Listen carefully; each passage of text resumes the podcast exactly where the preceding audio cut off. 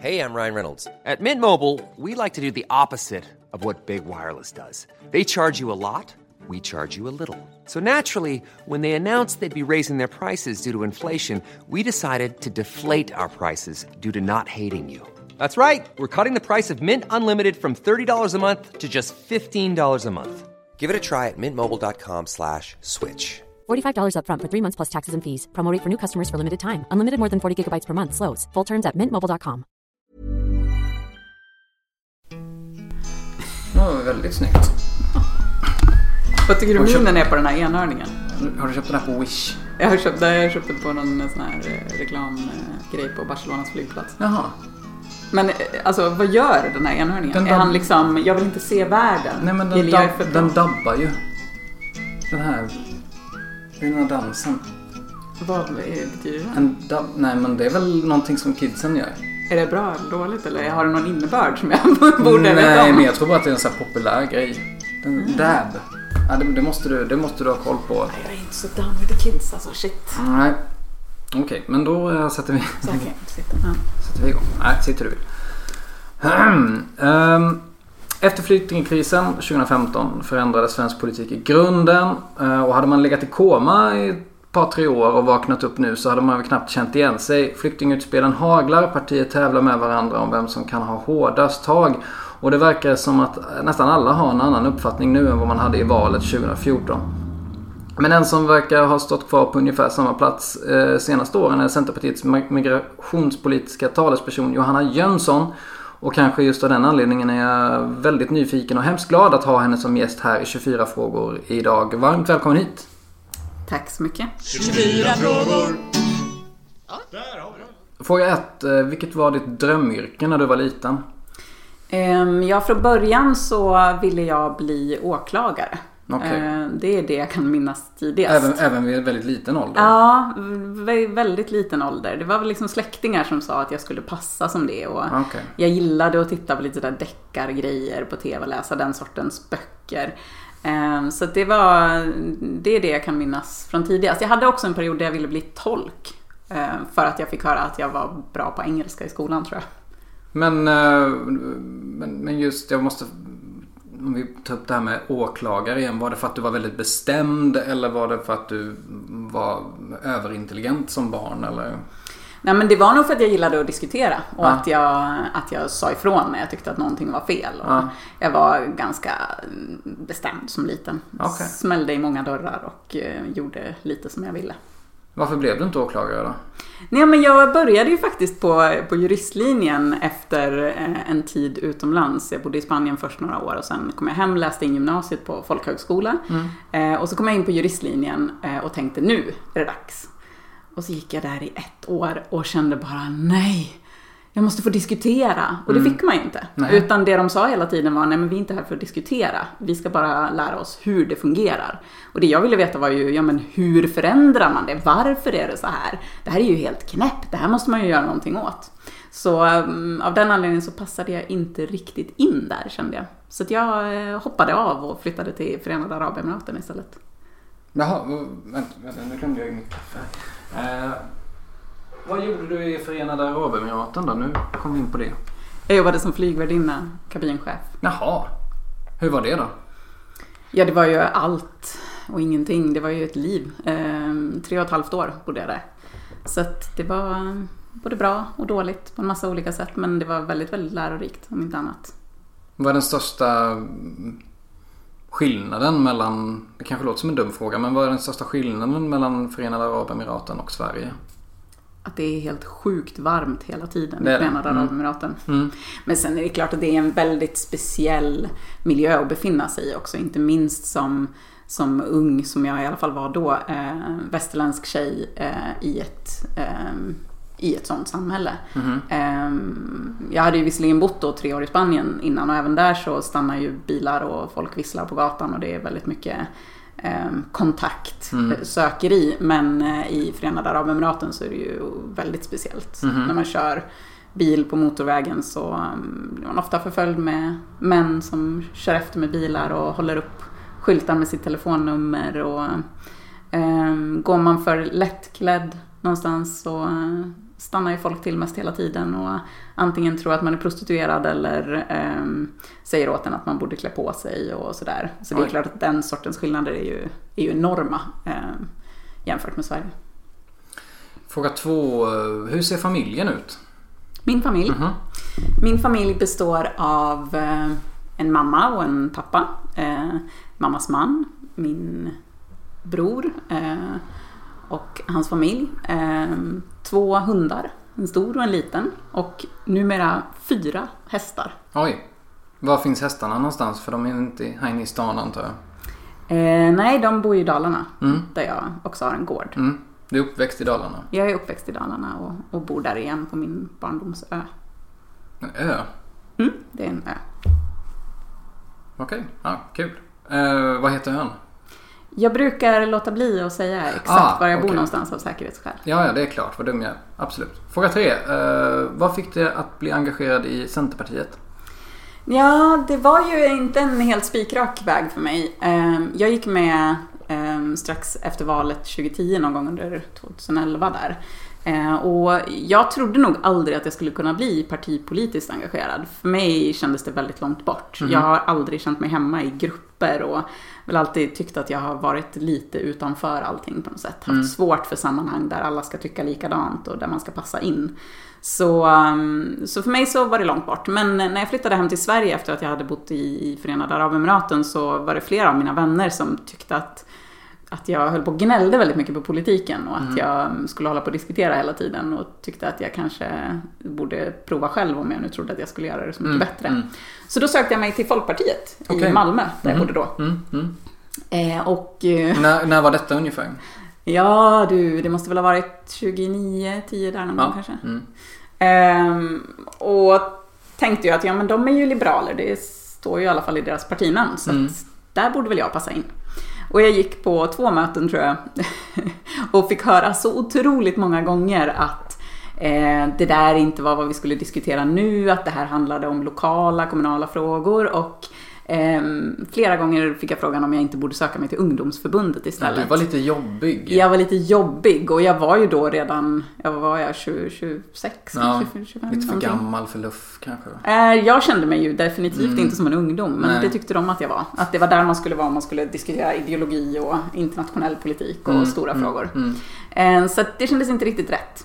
Sen flyttade jag till Stockholm, eh, berättade väl det här för någon kompis här och ehm, då sa han att han tyckte att jag borde testa Centerpartiet. Och för mig var Centerpartiet, det var bondeförbundet. Mm, jag hade otroligt svårt att se vad jag skulle göra i Centerpartiet. Men jag litade på min kompis, eh, tänkte jag kan väl prova i alla fall.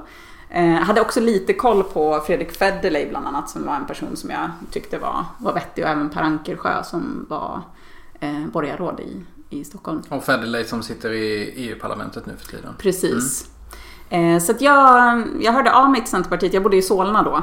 Eh, Och det råkade faktiskt vara så att deras årsmöte sammanföll med en, en nätdejt som jag hade planerat Jaha. in med en kille som jag skulle träffa för första gången. Så att vi gick på Centerpartiets årsmöte och käkade smörgåstårta och drack cider från Konsum. Och eh, jag blev fast, det blev inte han. Vänta, så, så det var första dejten då? Mm. Men hur kommer man ens på den idén? Ja, men det var ju så. Vi hade ju planerat det datumet och det var årsmötet som jag ville gå på. Så jag tänkte, ja, ja, det blir väl bra. Kul tjej. Ja, det tyckte han ju tydligen inte. Ja, ja, han kanske ångrar sig nu, vem vet. eh, hur gick det sen då efter årsmötet? Ja, efter årsmötet så eh, blev jag faktiskt rejält uppfångad, får man väl säga, av eh, kommunalrådet eh, Magnus Stemervall eh, och hans politiskt sakkunniga som numera är presschef hos Annie Lööf, Hannes Rivière. Mm, mm. Eh, Så de bjöd in mig till att ta ett glas vin någon dag senare med min kompis som också var intresserad. Ehm, Och på den vägen var det. Sen blev jag ordförande för en arbetsgrupp i Solna. Ehm, Engagerade mig lite grann. Och var väl lite sådär, ja, ideellt engagerad under en period. Sen flyttade jag ju till Stockholm istället mm, och flyttade från Solna kommun. Eh, Och då mm, efter ett tag så tog jag ett jobb, ett vikariat i Stadshuset för Mm. just Per Ankersjö. Mhm, mm. Eh, Så då blev jag lite mer aktiv på det sättet. Ja, det blir ju en bra fortsättning här på fråga fyra. Du har ju ändå gjort en väldigt snabb karriär. Ehm, du började engagera dig, ja, men som du sa, 2009-2010 och nu sitter du i riksdagen sedan, sedan flera år tillbaka. Hur påverkar det ens liv att gå från ja, men lite liberalt nyfiken till toppolitiker inom loppet av bara 4-5 år? Ja, hur påverkar det ens liv? Um, det har ju påverkat allt såklart. Ja. Det har ju förändrat mitt liv eh, i grunden att, att ha den här rollen. Eh, jag tror väl framförallt att jag... Eh, alltså det finns ju både positivt och negativt med att komma in så snabbt.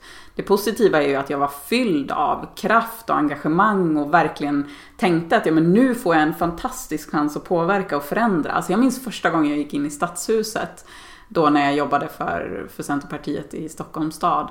Eh, och såg de här bysterna av män som liksom satt överallt mm. och porträtten av män på väggarna och mm. kände här är jag. Mm. jag. det, jag går i de här korridorerna, jag, jag jobbar här, jag har chansen att påverka på riktigt. Mm.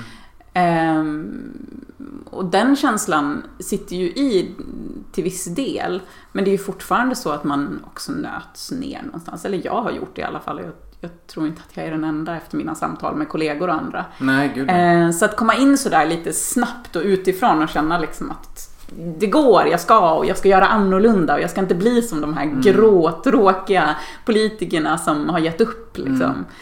Mm. Men jag tror också att något som jag då kanske skulle det hade varit bra om jag hade haft med mig i form av erfarenhet är ju också förståelsen för behovet av att till viss del passa in, att komma överens med kollegor, personer från andra partier mm. för att kunna få saker gjorda och inte bara låta mycket så måste mm. man ju hitta kompromisser och man måste sitta i förhandlingar och man måste liksom bygga ett förtroende gentemot andra, andra politikerkollegor. Eh, och där tror jag väl i början att jag gick på lite väl hårt ja. eh, på det sättet och tyckte liksom att nej men nu får vi ta i här och bara göra. Hur ja. svårt kan det vara? Ja. Eh, och på sätt och vis körde över andra i den processen. Som att, ja. Så det är ju det är två, två sidor av det såklart. Och sen erfarenheten i att man lär sig hur man ska skriva saker, hur man ska mm. jobba i utskotten, hur man ska um, hantera den interna processen i partiet inte minst, för det är ju också en, en del som politiker. Ehm, det är ju inte så att jag gick med i ett parti som fullt ut tyckte som jag i alla frågor, mm. så var det ju verkligen inte. Eh, och är ju fortfarande inte så. Och en del i det hela är ju att påverka partiet i den riktning man vill. Och där krävs ju nästan ännu mer um, skills i liksom, mm, bygga nätverk, relationer, ehm, få folk att lyssna på en. Så att de bra argument man tycker att man har faktiskt också blir hörda av de personer som behöver höra dem. Eh, för att en sak som man ofta tänker och som man hör ibland är ju att de som kommer in i politiken när de är gamla inom citationstecken eh, har ju kanske inte med den här skolan från ungdomsförbundet. Det här med liksom debattteknik och just det här med skapa allianser och kompromissa och sånt där. Är det någon, är det, du var inne på det lite men är det någonting som du känner att du ångrar lite? Att du kanske inte gick med ännu tidigare? Nej, jag ångrar inte. Det var inte aldrig aktuellt. Det fanns inte på kartan för mig att jag skulle ha varit med om någon sån gruppering. Eh, och jag tror fortfarande att den livserfarenhet som jag fick med mig av att vara ute och bo i olika länder och mm. befinna mig i väldigt olika sammanhang och med olika sorters människor i olika mm. situationer eh, har gett mig väldigt mycket mer än en, en tid i liksom ett ungdomsförbund skulle ha gjort. Mm. Eh, men, eh, men alla har vi ju olika vägar och det ena utesluter väl inte alltid det andra men... Oftast. Ja men jag, det, det finns ju de såklart som ja, som blir lite fast, att man går den vägen, börjar väldigt tidigt och att man gör liksom partiet till en del av sin identitet. Att mm. man är centerpartist. Jag har alltid väldigt svårt för det där. Jag kallar mig inte centerpartist. Eh, jag är medlem i Centerpartiet och jag är representant för Centerpartiet just nu. Mm. Eh, men för mig är det inte liksom en del av min identitet att jag är partist. Nej. Att alla mina vänner, att, att min kärlek finns i partiet. Liksom. Jag tror att det kan göra det lite svårt också att sätta ner hälarna i marken när det behövs. Och säga stopp, att här går min gräns. Jag tänker inte vara med på det här. Eh, går ni den vägen så då lämnar jag. Mm. Det blir ju så mycket svårare när man knyter upp hela sin tillvaro eh, i partiet. Fråga 5. Vad röstade du på när du röstade första gången? Ehm, Jag är tämligen säker på att det var Folkpartiet. Mm. När var det? Du, när var det du röstade första gången? Ja, jag röstade väl första gången... Alltså frågan är om jag bodde utomlands, om jag verkligen röstade då. Ja, jag är inte helt säker på att jag gjorde det faktiskt. Nej. De Men- där åren i Spanien, det Du- var annat som var viktigare Men just du, då. eh, så, så du, du röstade på Folkpartiet men du röstade inte?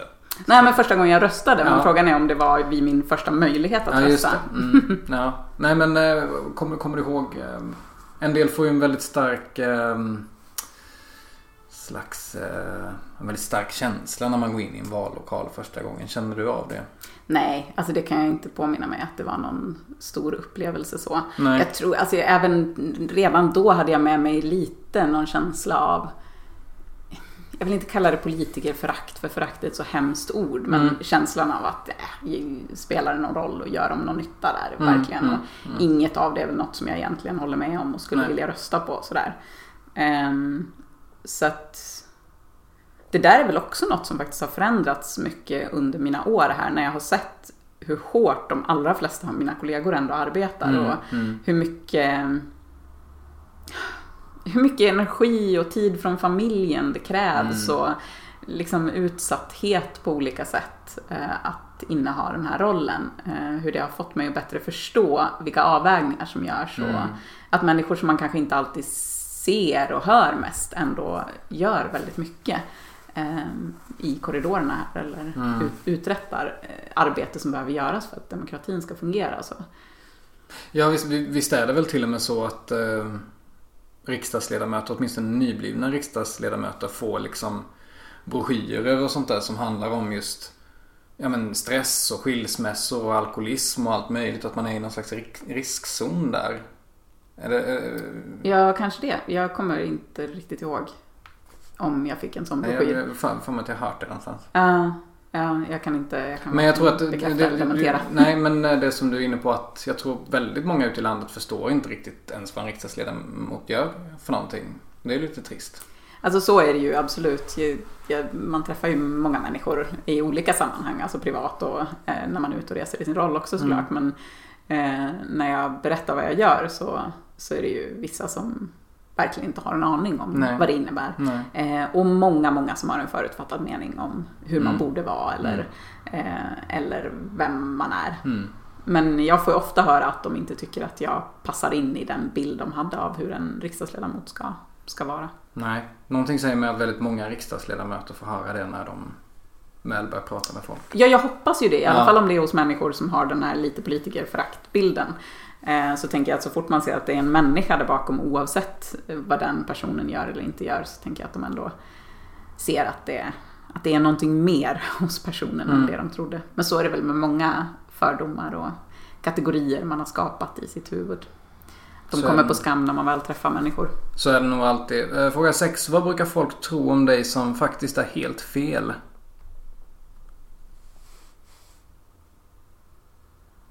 Oj, vilken svår fråga. Jag vet ju inte riktigt vad folk brukar tro om mig. Ehm.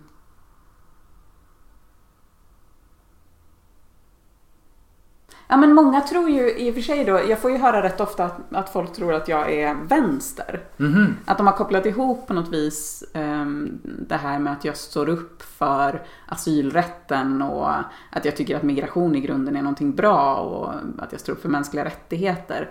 Ehm, att de kopplar ihop det med att man också skulle vara vänster när det kommer till ekonomisk politik till Mm, exempel. mm.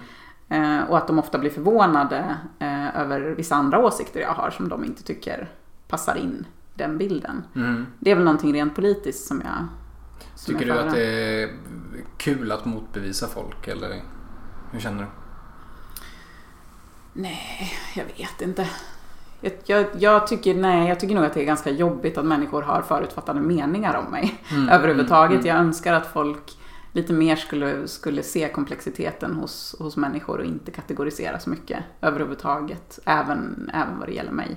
Jag tycker ofta att det är jobbigt att bli kategoriserad som kvinna till Mm. exempel och att i det så ska det komma vissa saker. Eller som vänster eller Mm. som liberal. Eller jag skulle vilja slippa alla typer av etiketter som folk sätter på mig och bara få vara Johanna.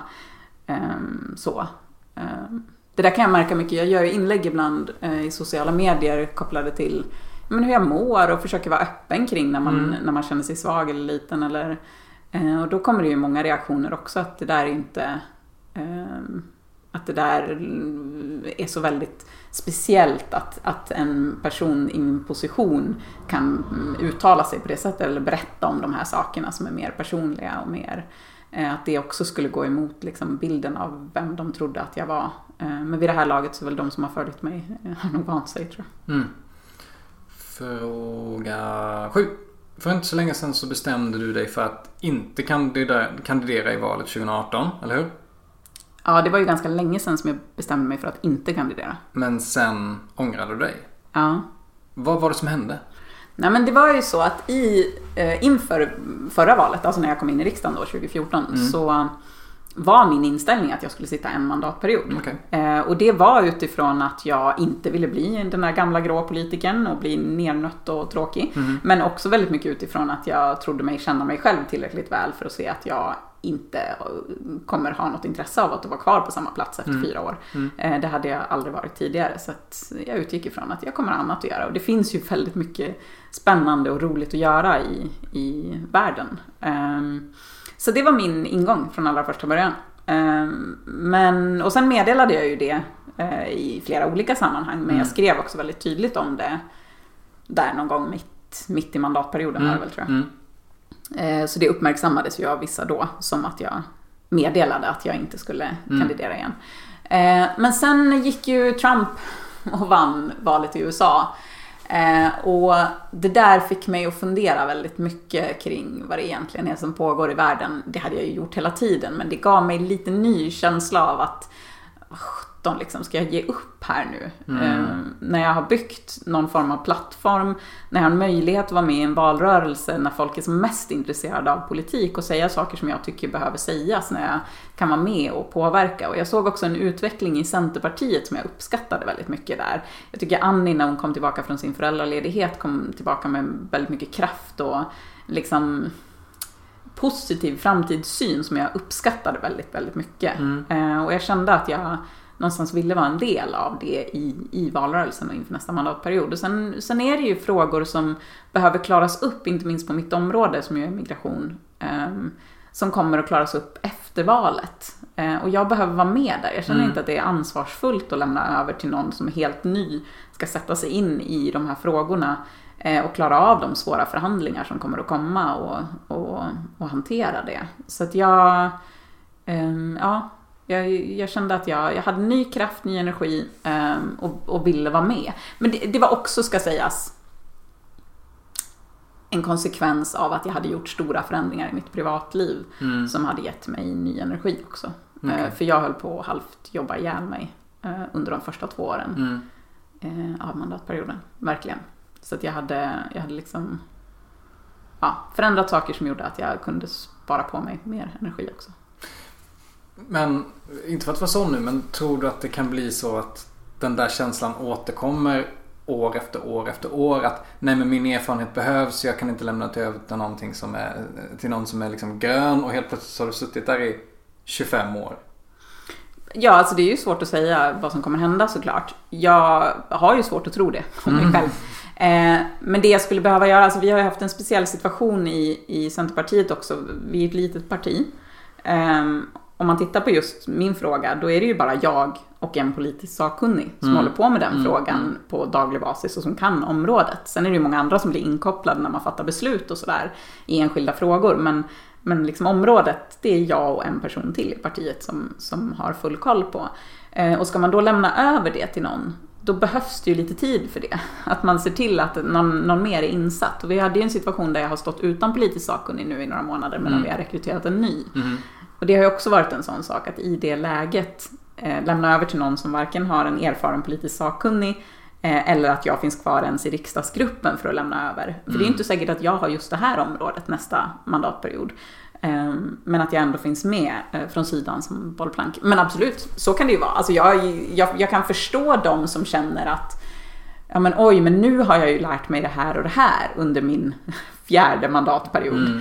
Eh, det kommer ju ändå vara viktigt att bidra. Jag hör ju vissa av mina kollegor nu som hade tänkt sluta. Men när de såg vad, i opinionsmätningarna att Centerpartiets riksdagsgrupp kanske kommer bli dubbelt så stor Ja. och inser hur många nya som kommer komma in då, som har ångrat sig utifrån att den erfarenhet som de har efter många år i riksdagen kommer behövas i den nya riksdagsgruppen. Och det är ju lite på samma tema. Så att absolut. Eh, Jag har ju sagt åt mina, mina närmsta att se till att liksom göra en intervention om jag, eh, om jag bestämmer mig för att liksom sitta kvar och sitta kvar och sitta Ja. kvar. Eh, för då tror jag risken är stor att jag har liksom blivit en del av, av inventarierna här och det vill jag verkligen inte.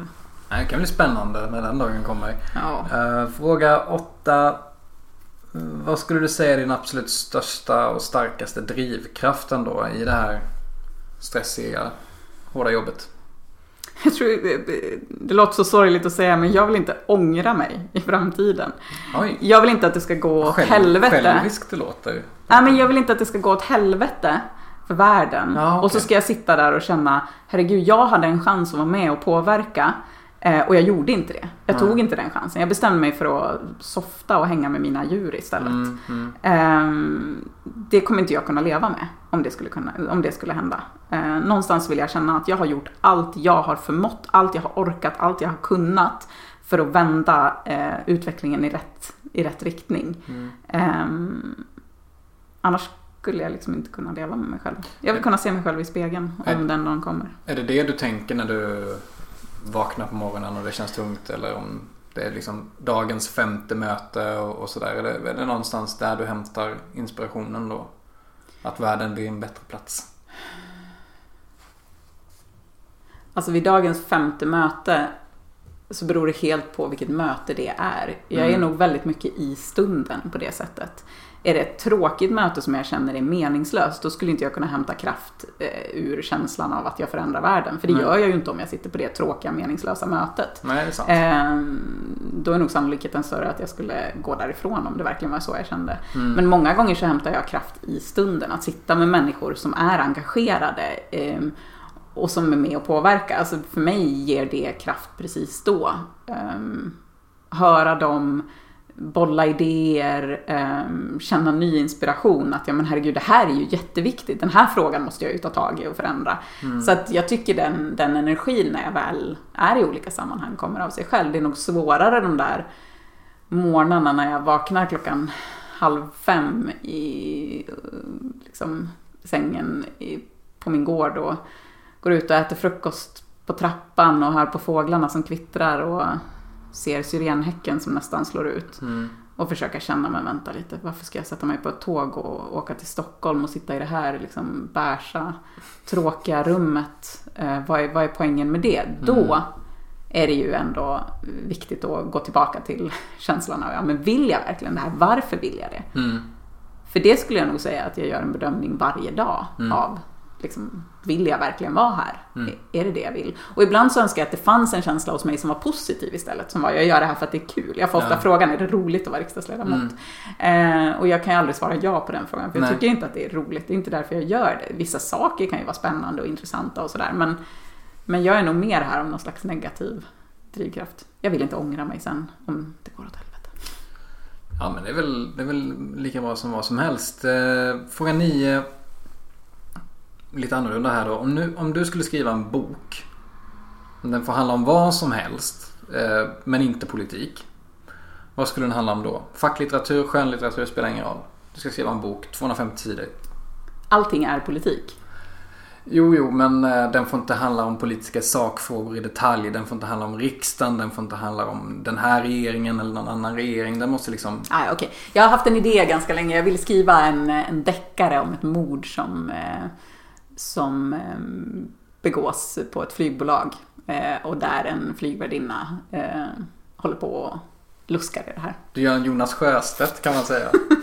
Ja, men, jag har, men den där tanken har varit med mig sen jag, eh, sen jag var i, i, i branschen. Så det är det flygvärdinnan som löser mordet? Ja, eller? lite så. Att det är hon ja, som ja. är liksom personen som man följer. Wow. Så det är väl det i så fall då. Alltså det är ju en jättebra idé. Det är också, det kan ju bli en bra serie i och med att hon kan åka till nya ställen och läsa Exakt. nya mord hela tiden. Och hon kan vara, du vet, med olika kulturer. Man får in aspekter Exakt. här där hon åker till olika länder och märker någonting där och någonting där. Alltså det Just det. jag har många, många idéer kopplade till det här. Taxfree-mordet liksom. Mm. Nej men jag tycker det låter väldigt spännande. Eh, ja, jag kommer läsa den definitivt. Um, ska vi se, vad var vi nu? Här, fråga 10.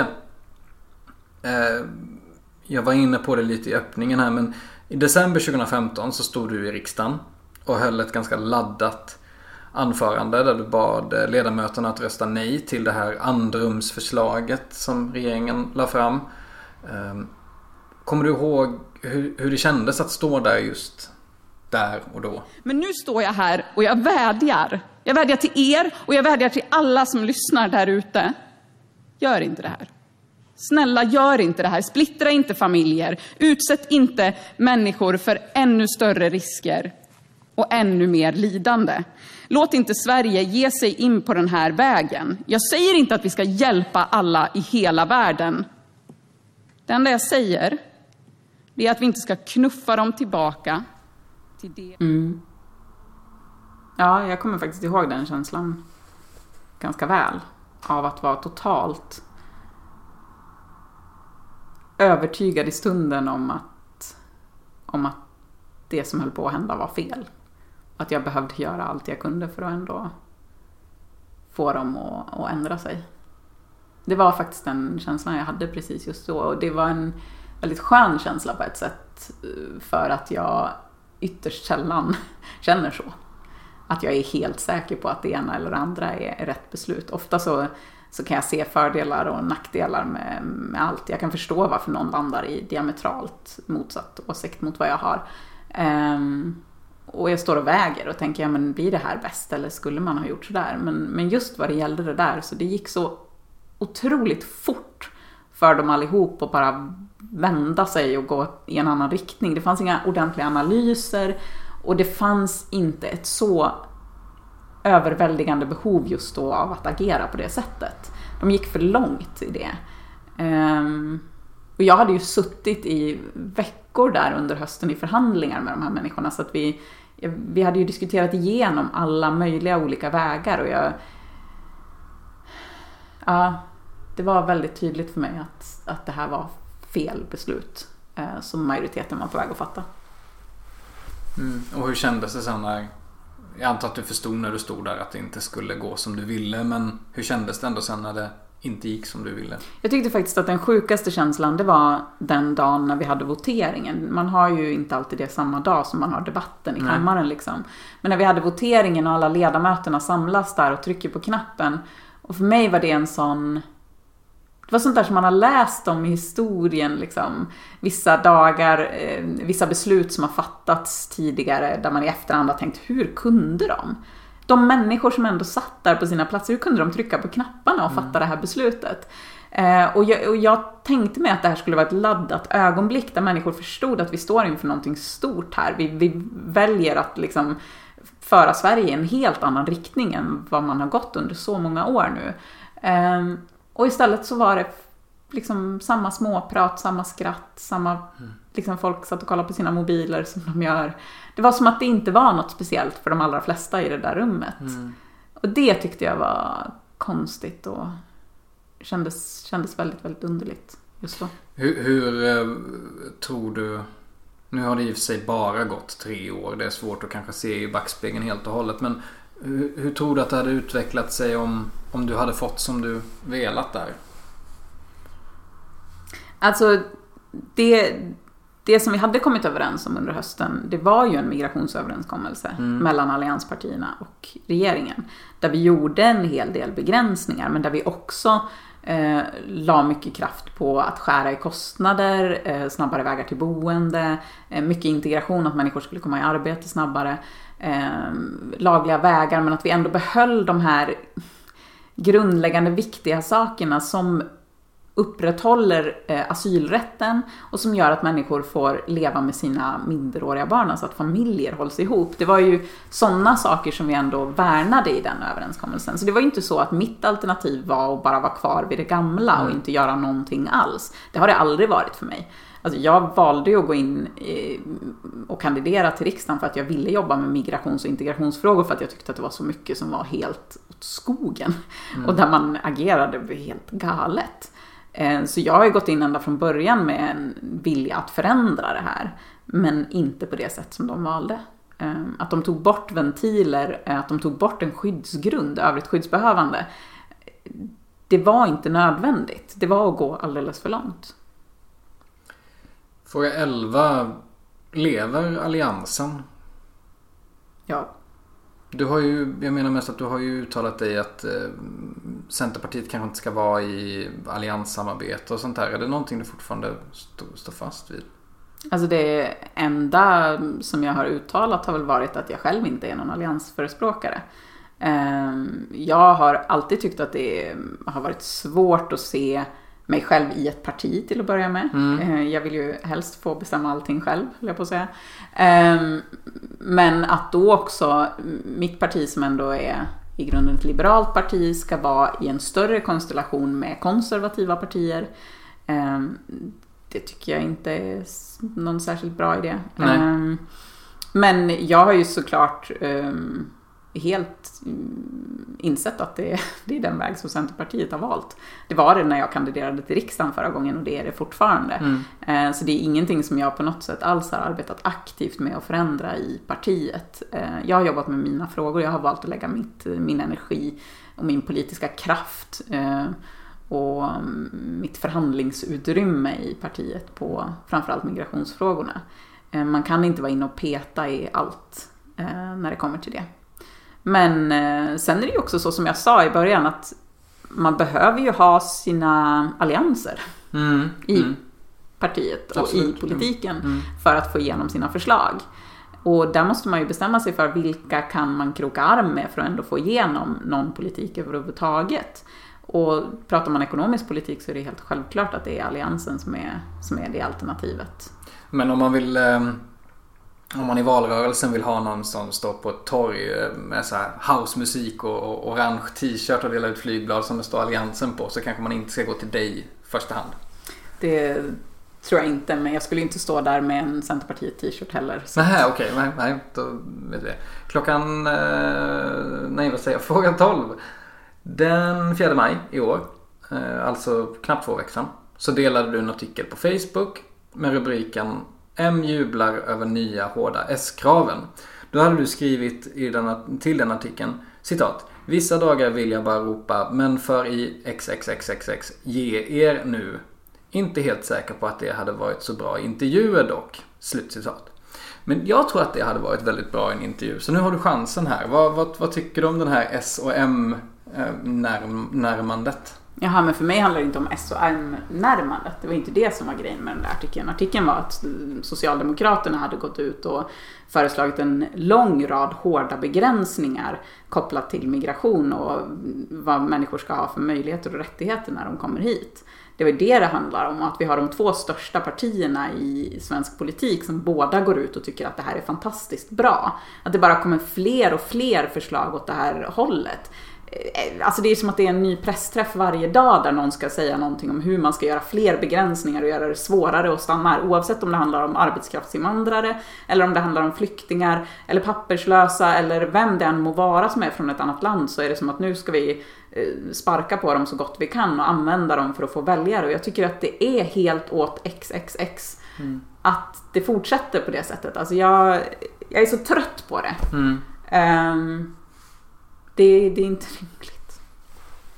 Vad tror du att det, hur, hur, det påverkar Sverige på, på lång sikt? Men det är klart att det påverkar hela det här sättet eh, att ställa grupper mot varandra. Att måla ut vissa som att de tär på samhället, att de förstör, att de begår brott, att de lever på bidrag.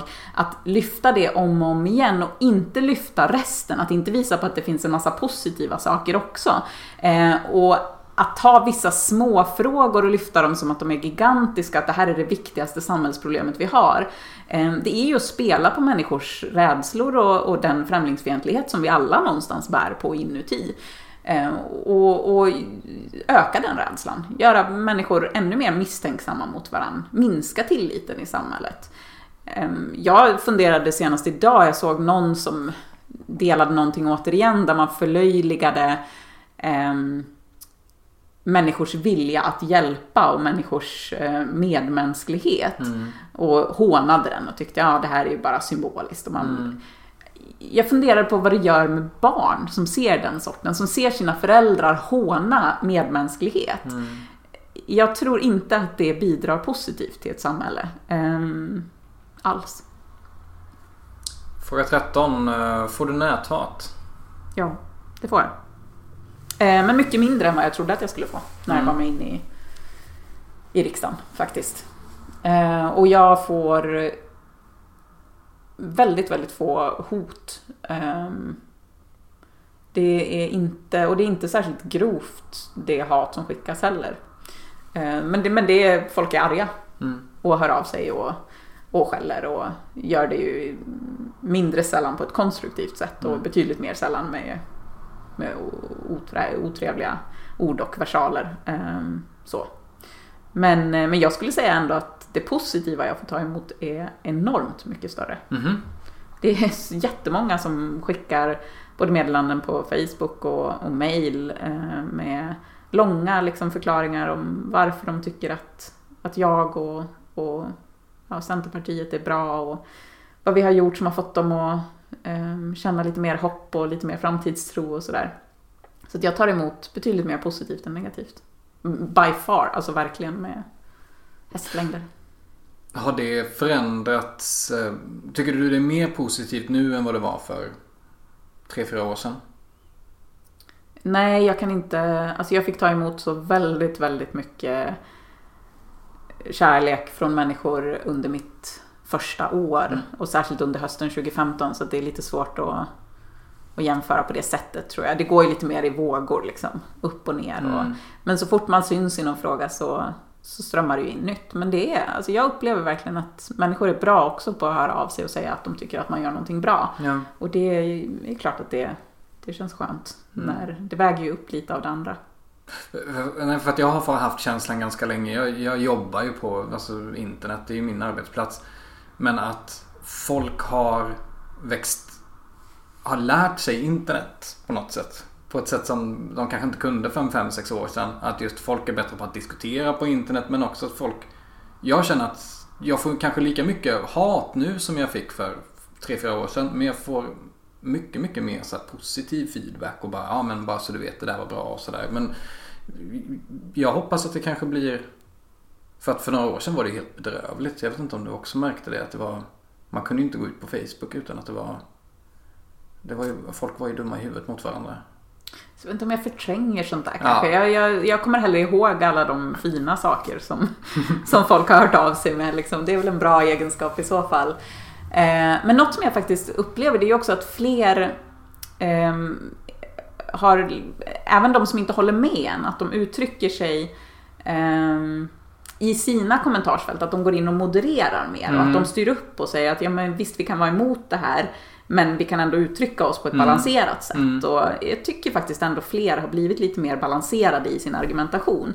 Det var som att under en period så behövde folk få explodera. Liksom. Ja. Att de, det var som att de hade blivit tillbakahållna så länge och kände sig så arga och så ångestfyllda över vad som hände. Att när de väl kände att nu säger jag något så blev mm. det bara pang. Mm. Och nu är det som att nu har vi ändå pratat särskilt om migrationsfrågorna så mycket från alla håll och kanter. Att det börjar bli lite mer att man kan säga både och. Att jo men visst, å ena sidan men också å andra sidan, jag har nog ändå landat i det här. Det upplever jag hos fler och fler och det tycker jag är jätteskönt.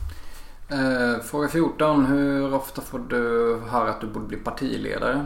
Alltså förlåt för det här, men är vi bara på fråga 14? Kommer vi hinna med alla dina 24 Nej, jag tänkte precis samma. Alltså jag måste ju prata mycket snabbare.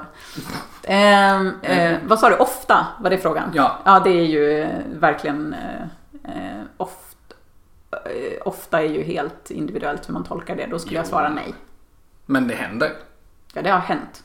Mm. Hur känns det? Mm, Ja, helt ointressant. Jag skulle aldrig vilja vara partiledare. På riktigt, absolut inte. Jag förstår inte hur man klarar av att hålla så många frågor i sitt huvud.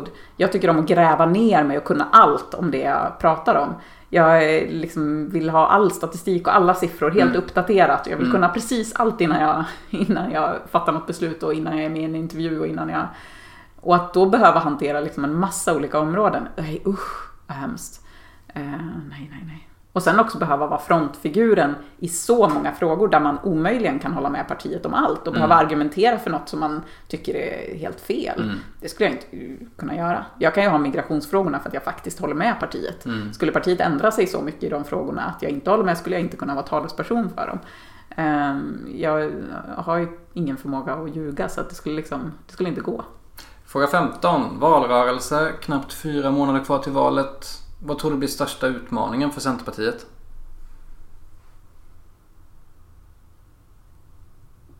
Jag tror att det kommer vara... Mm, jag tror att mycket kommer bero på hur, vilka frågor som eh, blossar upp under de sista veckorna. Eh, och om det är frågor där man förknippar Centerpartiet med de frågorna eller inte och åt vilket håll. Skulle vi till exempel ha eh, någonting som är relativt vanligt vid skolstart, bränder i, utanförskapsområden, så kan ju diskussionen handla mycket om hårda tag och Eh, Och just då när det är som mest intensivt kan det vara svårt att, att prata om andra saker som man själv kanske tycker är viktigare eller andra perspektiv som är, som är nödvändiga. Så att jag tror valrörelsen kommer, kommer handla mycket om vad som, är, ja, vad som är på agendan precis just då. Och där behöver vi ju vara snabba och klara av och, och hänga med i det eh, och ha bra politik på alla områden. Jag tror också att fler förväntar sig det av oss nu som ett större parti, att vi, att vi klarar av att prata både utbildning och, och sjukvård och infrastruktur och allt vad det må vara. Det ska bli spännande i alla fall. Eh, Fråga 16. Vilken politisk motståndare har du störst respekt för?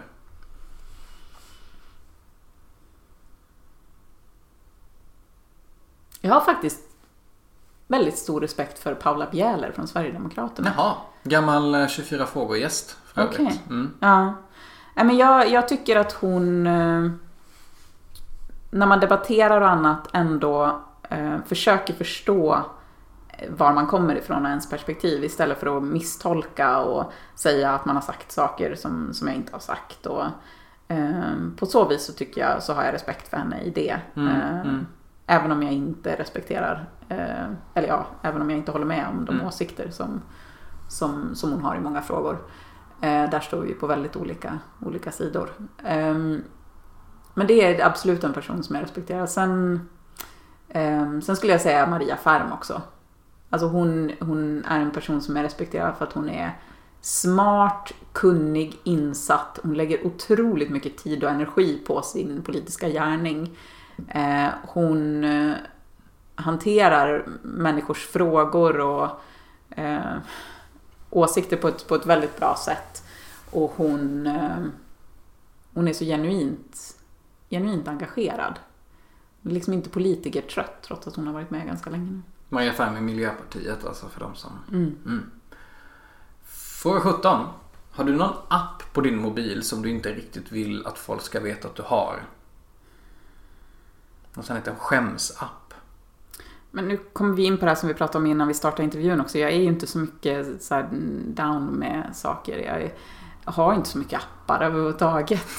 Ehm, nej, alltså jag är snabbt så här, jag kan ladda ner någon app och sen tar jag bort dem snabbt när jag märker att jag inte använder dem ändå. Eh, Så jag är väl mer så att jag har någon app som jag skäms över att jag inte använder kanske. Jag har någon sån här eh, meditationsapp som Ah. jag var väldigt aktivt och rekommenderade till väldigt många. För jag tyckte den var så bra i några veckor. eh, Och använde den varje dag. Och nu är det mer att den ligger där och ger mig påminnelser som ger mig dåligt samvete flera gånger om dagen. Så att det är nog mer så. mo- motsatt effekt. Ja, exakt. Fråga 18. Tror du på Gud? Nej, Inte alls. nej. Nej. Fråga 19. Eh, hur är Jimmy Åkesson att debattera med tycker du? Jag har bara debatterat mot honom en gång. hur Vilket var var det då? häromveckan. Eh, jag blev förvånad över att han var mer känslomässigt engagerad eh, och lite rabiat Nej, rabiat är ett elakt ord, jag vet inte. Men han var väldigt föraktfull i sin ton och eh, drog på väldigt mycket i sina svar eh, till mig. På ett sätt som jag tyckte var ganska oseriöst. Och jag hade mer förberett mig för en debatt som jag tycker mig höra när han har partiledardebatter. Där han ofta är väldigt saklig, eh, där han är lugn och sansad, där han svarar på frågor som han får, vilket är ganska ovanligt. Eller tidigare var det, de börjar bli bättre på det, men hos partiledarna. Ehm, och istället så var det som att han eh, Ja, men han sa att det mest absurda han hade hört, eller det mest bisarra han hade hört i hela sitt liv, och det här var verkligen citat, alltså det mest bisarra han hade hört i hela sitt liv var att eh, afghanska ensamkommande män skulle kunna jobba inom äldreomsorgen. Och det sa han två gånger. Eh, och det är ju bara jättekonstigt, det är ju många som redan gör det. Och Det var som att han inte riktigt kunde hålla sig lugn. Eh, så det förvånade mig lite. Eh, ja. Sen var det roligt med den här debatten att jag kom ut från debatten och kände det var ju bara han som pratade hela tiden. Jag fick ingen chans att prata överhuvudtaget. Och jag pratade med programledaren och hon sa ja, förlåt, jag borde ha avbrutit och sådär. Eh, och jag var så frustrerad över det här. Och sen pratade jag med min pressis senare där på dagen. Eh, och då hade vi mätt och kom fram till att han och jag hade pratat nästan exakt lika mycket. Jag till och med lite mer än vad han hade gjort. Så det var en bra tankeställare att man ibland kan tro att man är mer kortfattad än vad man är. Fråga 20. Det blev ju ganska stor uppståndelse just med tanke på de här, de här 9000 eh, ensamkommande. Och det blev lite hela havet stormar och det var kritik fram och tillbaka. Min fråga är, hur, kommer du ihåg stämningen inom partiet liksom där och då? Hur, hur, hur var det att vara mitt i händelsernas centrum så att säga? Alltså stämningen i Centerpartiet eh, var ju eh, väldigt lugn. Alltså det var ingen storm i partiet. För oss så var det väldigt tydligt redan sen, sen, sen vi hade kommundagar i slutet på januari, början på februari där någon gång. Eh, och då hade ju regeringen lagt sitt förslag någon månad innan. Och när man gick runt där och pratade med människor och vi hade träffar och sådär, så det var så tydligt eh, att människor ville att vi ska hitta en lösning för de här. Sen har vi ju kritiserat det här förslaget på en rad områden, för det är i grunden ett dåligt förslag. Alltså jag som har jobbat med det här och förstår hur processen har gått till, alltså jag förstår inte hur de kan ha gjort något så dåligt från regeringens sida på riktigt. Eh, sen har de ju förbättrat det i vissa delar och sådär, men det var ju det här eller ingenting. Eh, och då var det ganska tydligt i partiet att hellre det här än ingenting alls. Det fanns liksom inte som alternativ i de kommuner, vi är ju stora i många kommuner och sitter med och styr och att där inte ha någon lösning utan att de här personerna bara ska leva på gatan och bli papperslösa och hamna i, i alla de problem som det innebär. Eh, det, är ju, det, det fanns liksom inte.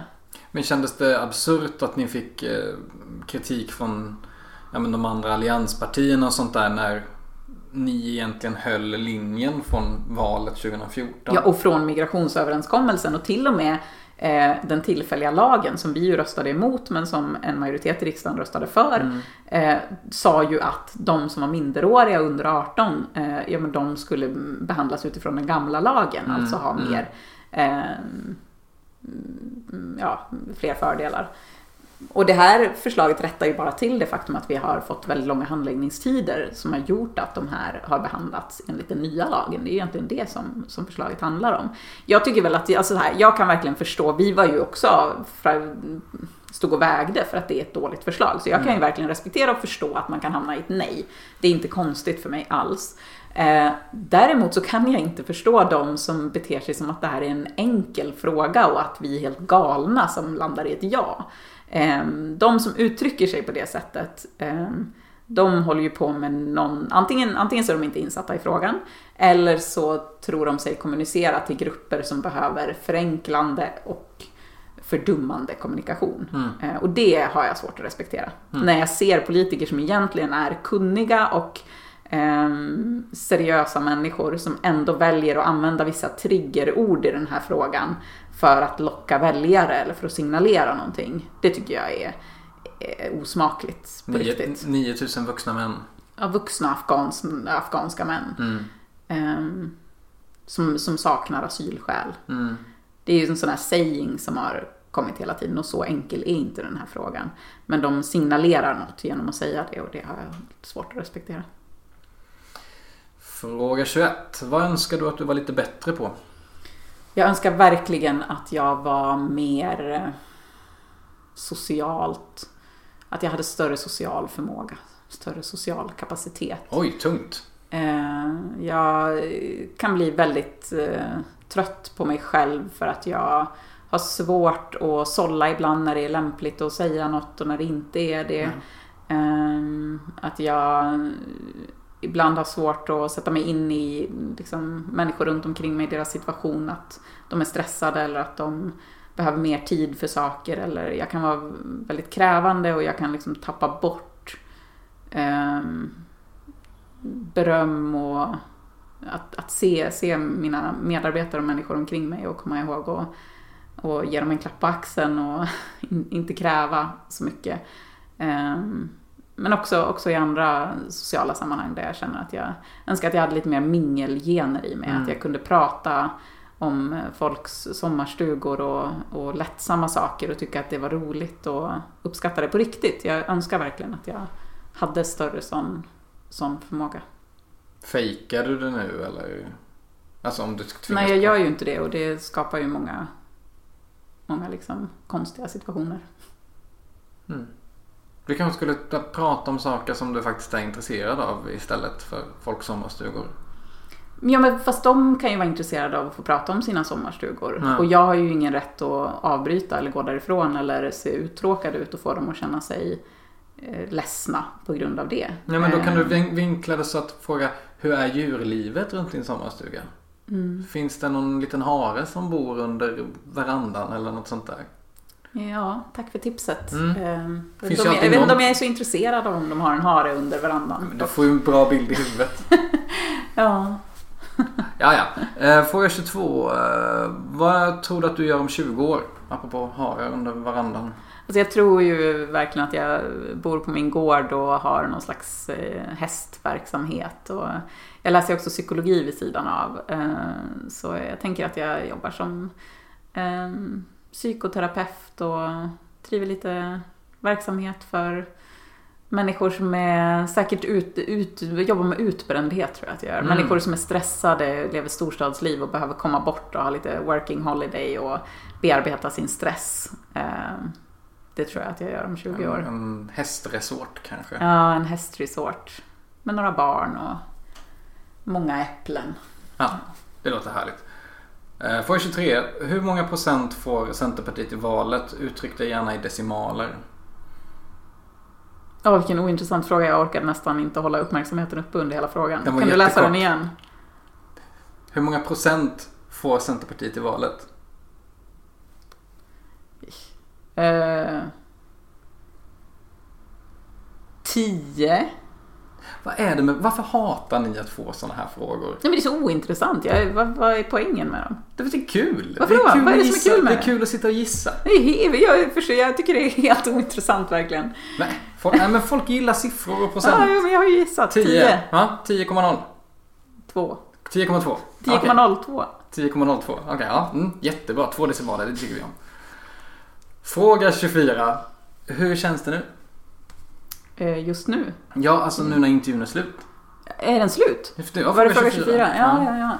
Eh, ja, nu har jag suttit ett tag och haft en parallell tanke i bakhuvudet om vad är klockan egentligen? Jag ska ju snart vara med i ett panelsamtal här borta om 16. någon rapport som har kommit om eh, den globala utvecklingen i världen kopplat till Agenda 2030. Har du läst rapporten? Eh, ja, jag har läst det som var viktigt på ja. tåget okay. på vägen hit. Um, men så att jag, jag är väl redan på väg härifrån kanske. Men det känns mm. lite tråkigt nu när du frågar. Jag hade gärna suttit och pratat mycket längre till. Uh, jag gillar sådana här frågor. Ja, väldigt vi, bra. Vi kanske, du kanske får vara gäst igen någon gång. Det, ja. det, är ingen som har varit med två gånger men någon gång ska ju vara den första. Jag kan, kan hitta på en sån här parallell personlighet. Som, för Fredrik Federley hade ju sin Ursula. Jag Just kan, det. Du kan prata med någon sån. fransk dialekt och, och så här, heter. Precis. Som är med i något annat parti. Eller fråga om jag kan få vara med för någon av mina kollegor och i, i, i, låtsas att jag är dem. Föra Annie Lööfs talan. ja, exakt. Precis. Ja, vi får, vi får lösa det på något sätt. Eh, men eh, tack så jättemycket Johanna Jönsson för att du ville vara med. Och tack till dig som har lyssnat på det 26 avsnittet av 24 frågor. Eh, fortsätt mejla 24 frågor nytt24.se och så ses vi nästa vecka. Då blir det faktiskt ett specialavsnitt för då firar podden ett år och det blir eh, lite härliga tillbakablickar och godbitar. Missa inte det. Eh, vi ses då helt enkelt. Hej då! Hej hej!